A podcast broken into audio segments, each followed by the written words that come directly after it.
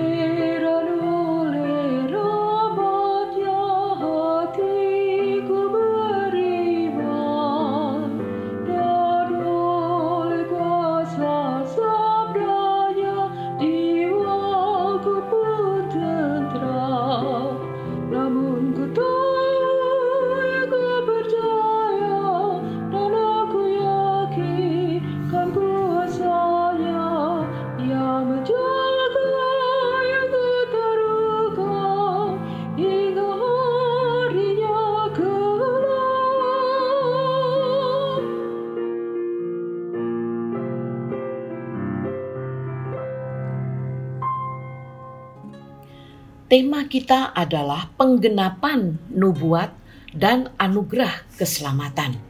Kisah para Rasul pasal 2 ayat 14 sampai 24 yang akan saya bacakan pada ayat 20 dan 21 saja dan Bapak Ibu membaca seluruh ayat tersebut.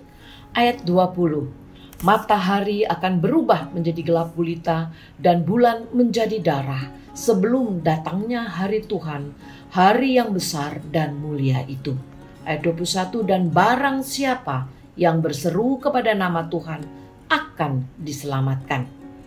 Jemaat damai yang terkasih, Allah kita adalah konsekuen dan konsisten dengan janjinya. Ia selalu menepati janjinya. Janjinya tidak lekang oleh waktu.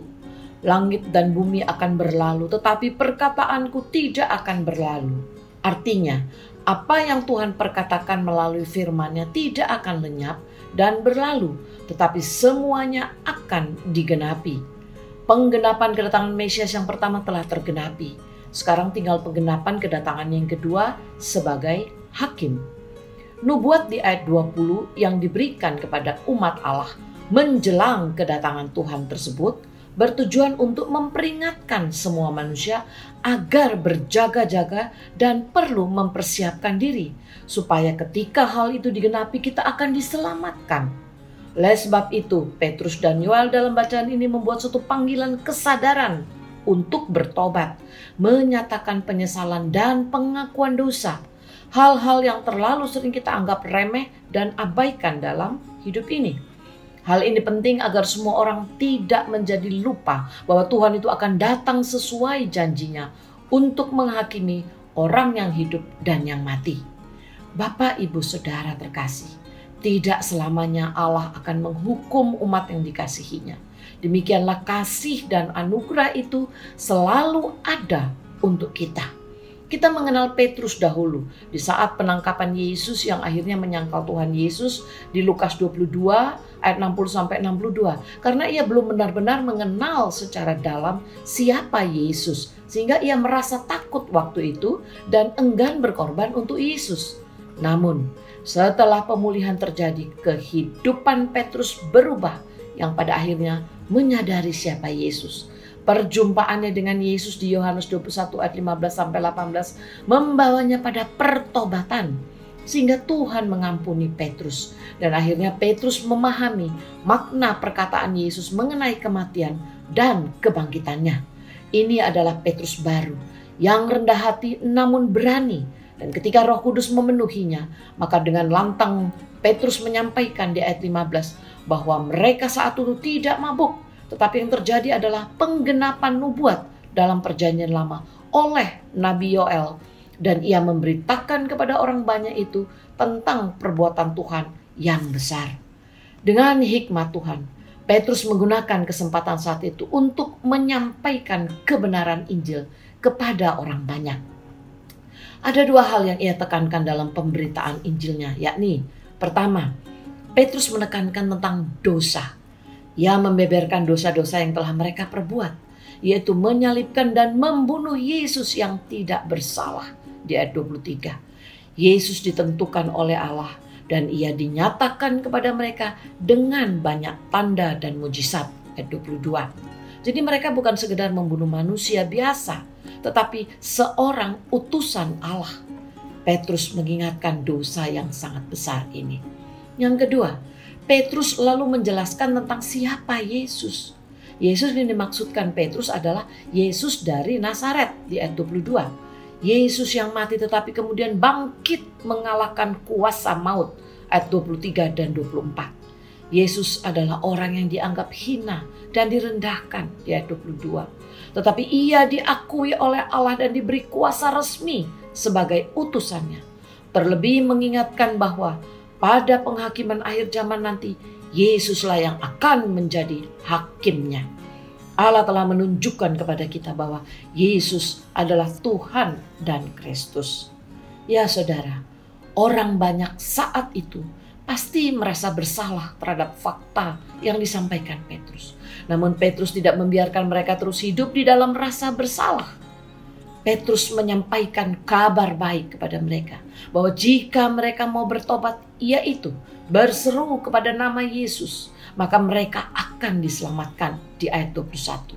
Kata berseru dalam ayat 21 ini tidak hanya sebatas perkataan di mulut saja, tetapi melibatkan iman percaya kita dan kata akan diselamatkan ini juga merupakan bentuk kepastian, bukan mudah-mudahan. Keselamatan diberikan kepada mereka yang berseru kepada Yesus untuk menolong mereka. Sudahkah Anda berseru kepada Yesus untuk menyelamatkan Anda dari dosa? Karena hanya di dalam Yesuslah ada keselamatan. Kisah para Rasul 4 ayat 12. Dan keselamatan tidak ada di dalam siapa pun juga selain di dalam dia. Sebab di bawah kolong langit ini tidak ada nama lain yang diberikan kepada manusia yang olehnya kita dapat diselamatkan. Keluarga damai, kita diselamatkan karena anugerah. Banyak orang Kristen yang sudah lama mengenal Tuhan, tetapi kehidupannya sepertinya tidak mengalami suatu perubahan Perubahan yang dimaksud bukan perubahan penampilan, tetapi perubahan hati, sifat, dan karakter hidupnya yang nampak dalam praktek hidup. Perubahan tidak akan pernah terjadi apabila hidup seseorang tidak mengalami Tuhan dan dipenuhi oleh Roh Kudus. Jadi, bagaimana mungkin kita dapat menyelamatkan diri kita sendiri jika kita masih terbelenggu oleh dosa? Satu-satunya pengharapan kita untuk diselamatkan adalah dengan mengakui dan mempercayai Yesus Kristus sebagai Tuhan dan Juru Selamat kita. Dia juga akan menolong kita melalui roh kudusnya untuk kita bisa hidup dalam pertobatan yang sebenarnya atau metanoia. Sebab tidak mungkin kita bisa mengasihi dia sepenuhnya jika pada dasarnya belum ada perubahan pola pikir yang benar di dalam diri kita kita dapat melihat bahwa pertobatan orang-orang di luar Kristus jauh berbeda dengan pertobatan kita yang ada di dalam Kristus.